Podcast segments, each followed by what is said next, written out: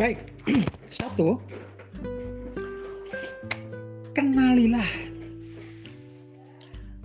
kapan dan di mana biasanya inner child ini muncul.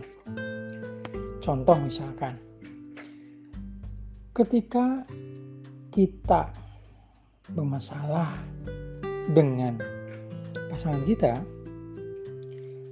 kemudian kita menyadari itu salah dan mengaku itu salah, kemudian minta maaf, akan tetapi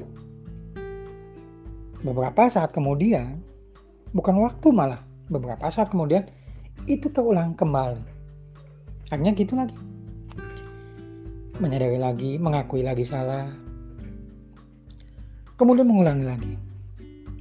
Kemudian gitu lagi.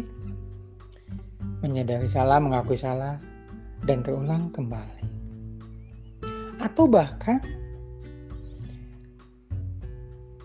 setiap kali mau mengambil keputusan bisnis kok kita jadi ragu-ragu, kok kita jadi takut, atau bahkan yang sudah pernah di tangan itu ada pengusaha yang dia menurut dia gagal lagi, gagal lagi usahanya.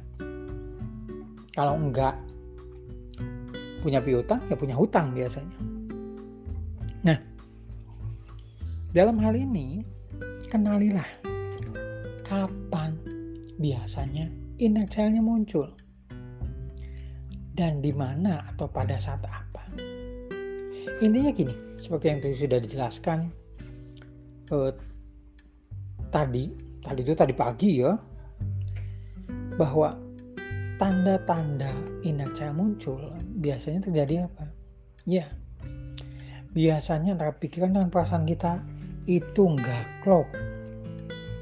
Nah maka, yuk di langkah awal ini adalah kenalilah kapan dan di mana inakal kita muncul.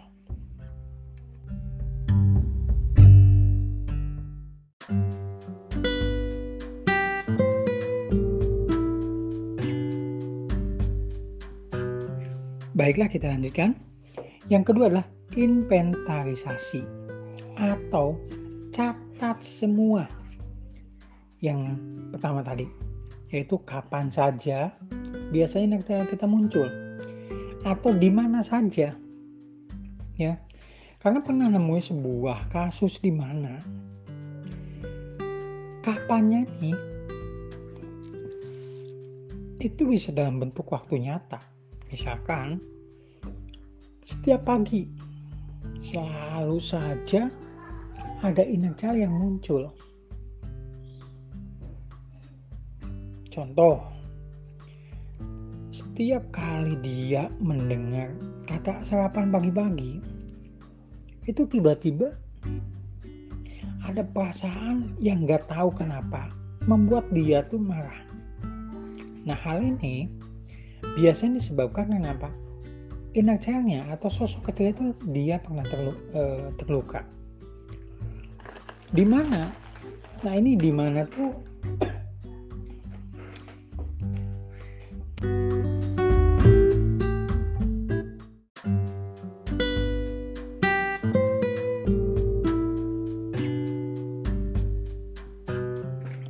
Mengenai pembahasan shadow akan kita bahas di materi yang lain ya.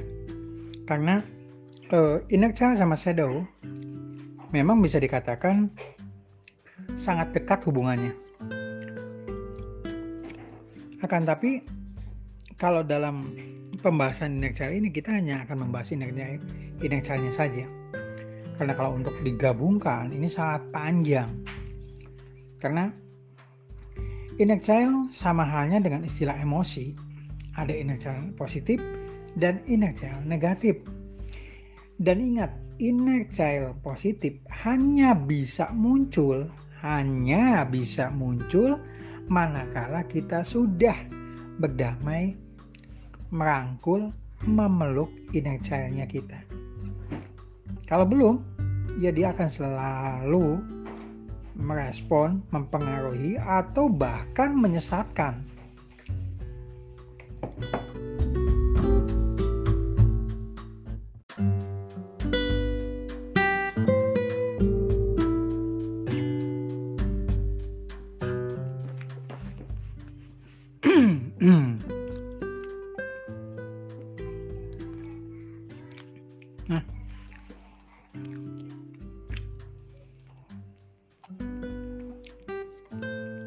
Misalkan untuk bisa mempercepat atau bahkan bisa sekalian memisahkan mana yang inner child, mana yang shadow. Sudah jadi shadow artinya. Sebetulnya mudah saja. Namanya juga anak kecil. Gimana kitanya? Mengebujuknya seperti apa? Akan tapi ingat ya, anak kecil di dalam diri kita bukan seperti anak kecil pada umumnya. Kalau anak kecil pada umumnya biasanya hanya diiming-iming permen, diiming-iming sesuatu, itu mudah, dia mudah dirayu, dia mudah dan gampang dan akan tapi inner child atau sosok anak kecil di dalam tubuh kita sangat beda. Pasti ada di antara kita yang pernah berjanji kepada dirinya bahwa aku akan berubah. Yang dan biasanya ditambahin dengan astagfirullah, astagfirullah. Istighfarnya hanya pada saat saja. Kemudian setelah itu ya sudah selesai. Kan sudah lewat ya kan? Nah kalau misalkan inner child atau si anak kecil ini yang ada dalam tubuh kita justru pada saat kita menjanjikan sesuatu dia akan sangat ingat sampai kapan pun juga ingat itu ketika kita berjanji atau membuat sebuah kesepakatan kepada dia dia akan sangat ingat sampai kapan pun juga. Dan ketika dia menagih janji kita, dia tidak akan sama dengan anak kecil pada umumnya. Dia bahkan bisa membuat fisik kita pun menjadi tidak sehat. Bahkan di beberapa kasus terutama yang masih punya balita hati-hati ya ada sebagian yang nggak percaya masa bi itu kan anak cara kita masa sih nempel ke, ba ke bayi kita masih nempel ke balita kita silahkan kalau mau dicoba ya minimalnya anak balitanya biasanya demam rewel nggak mau makan atau bahkan tiba-tiba dia berbuat sesuatu di luar nalar atau di, di logika kita. Nah, biasanya dengan teknik asosiasi, disasosiasi,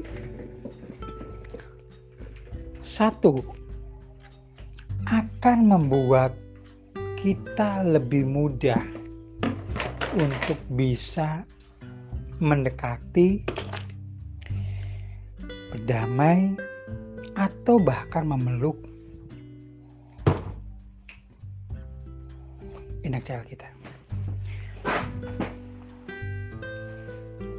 Persoalannya adalah setiap kali kita mencoba untuk melakukannya asosiasi ataupun disasosiasi satu ini kadang-kadang kita masih terjebak di asosiasi satu tandanya apa? tandanya kalau kita masih terjebak di asosiasi satu ada kita pertama kebingungan mana indeks cahaya itu? Ada di mana dia? Atau yang lain? Ketika kita masih melakukan yang namanya asosiasi satu, itu kita pasti biasanya akan mendapatkan kalau nggak bosen nyerah putus asa dan bahkan sampai berpikir ah ngapain lah gini-gini? Ah biarin aja lah. Ingat ketika pembiaran maka bersiaplah anak keturunan kita akan meneruskan dan berpuluh-puluh kali lipat dampaknya. Maksud si B, silahkan dicoba. Yang untung kan bukan api.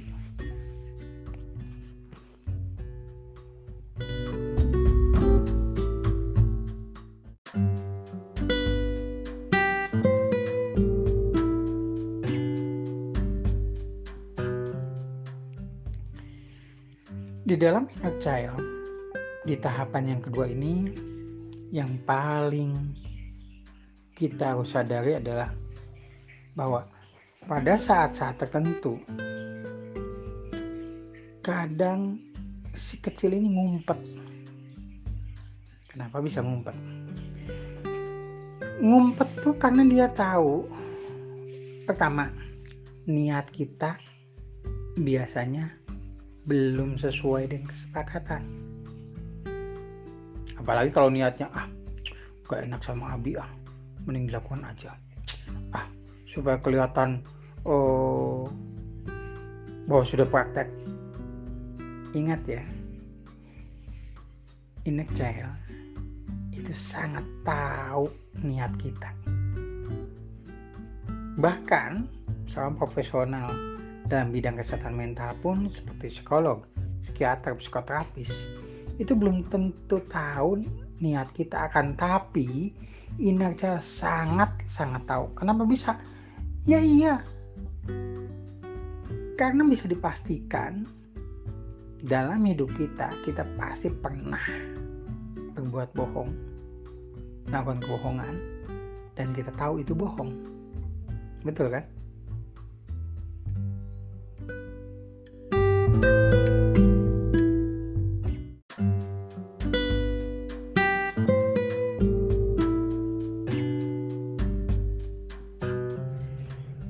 Baik, semangat pagi semuanya. Kita lanjutkan. Poin yang ketiga adalah setelah kita inventarisasi semuanya, maka terimalah kalau memang child itu ada di dalam diri kita. Dan ingat ya, tanda-tanda kalau kita tidak mau menerima, masih belum menerima, adalah kita merasa semuanya baik-baik saja. Itu yang pertama. Yang kedua, kita selalu dan selalu menyalahkan pihak lain. Mungkin itu orang tua, mungkin itu pasangan, mungkin itu teman, atau bahkan mungkin itu musuh. Di dalam poin tiga ini, ketika kita tidak mau atau belum mau menerima, maka inner child akan semakin menjadi. Kenapa? Ya, karena dalam hal-hal tertentu inner child tidak mau, tidak mau sama sekali dia ditinggalkan dalam tanda kutip ya ya ditinggalkan karena apa karena ketika kita dianggap meninggalkannya, ketika kita dianggap mengabaikannya, maka hal itu tentunya akan menjadi sebuah hal yang disebut dengan pengabaian bahkan pendendaman. Nah, ini. Jadi dalam kondisi-kondisi tertentu terkadang ketika kita belum menerima ketika kita merasa bahwa semuanya baik-baik saja, maka ketika orang lain mengingatkan pun bahkan ketika eh kamu tuh begini-begini loh. Oh, iya gitu. Lah, sementara itu adalah inner child kita sendiri sementara ketika orang lain ada mengingatkan, kita bukannya bersyukur, malah balik membencinya. Ketika ada orang lain mengkritik kita, kita malah balik mengkritiknya. Contoh, ketika Abi katakan, Pak, Bu, baiknya kalau boleh disarankan Bapak dan Ibu tuh harus mulai lebih baik lagi.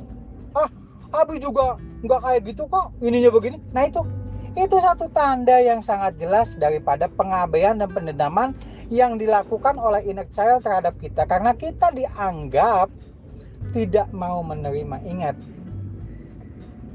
siapa pun yang pasti ada inner child-nya. Disadari atau tidak, inner child tetap ada. dalam kondisi seperti ini, yang harus dilakukan apa? Maka kita kembali lagi ke inventarisasi atau kepada teknik di tahapan nomor dua itu yaitu tulislah kapan dan di mana inersial ini akan muncul. Hati-hati teman-teman ya.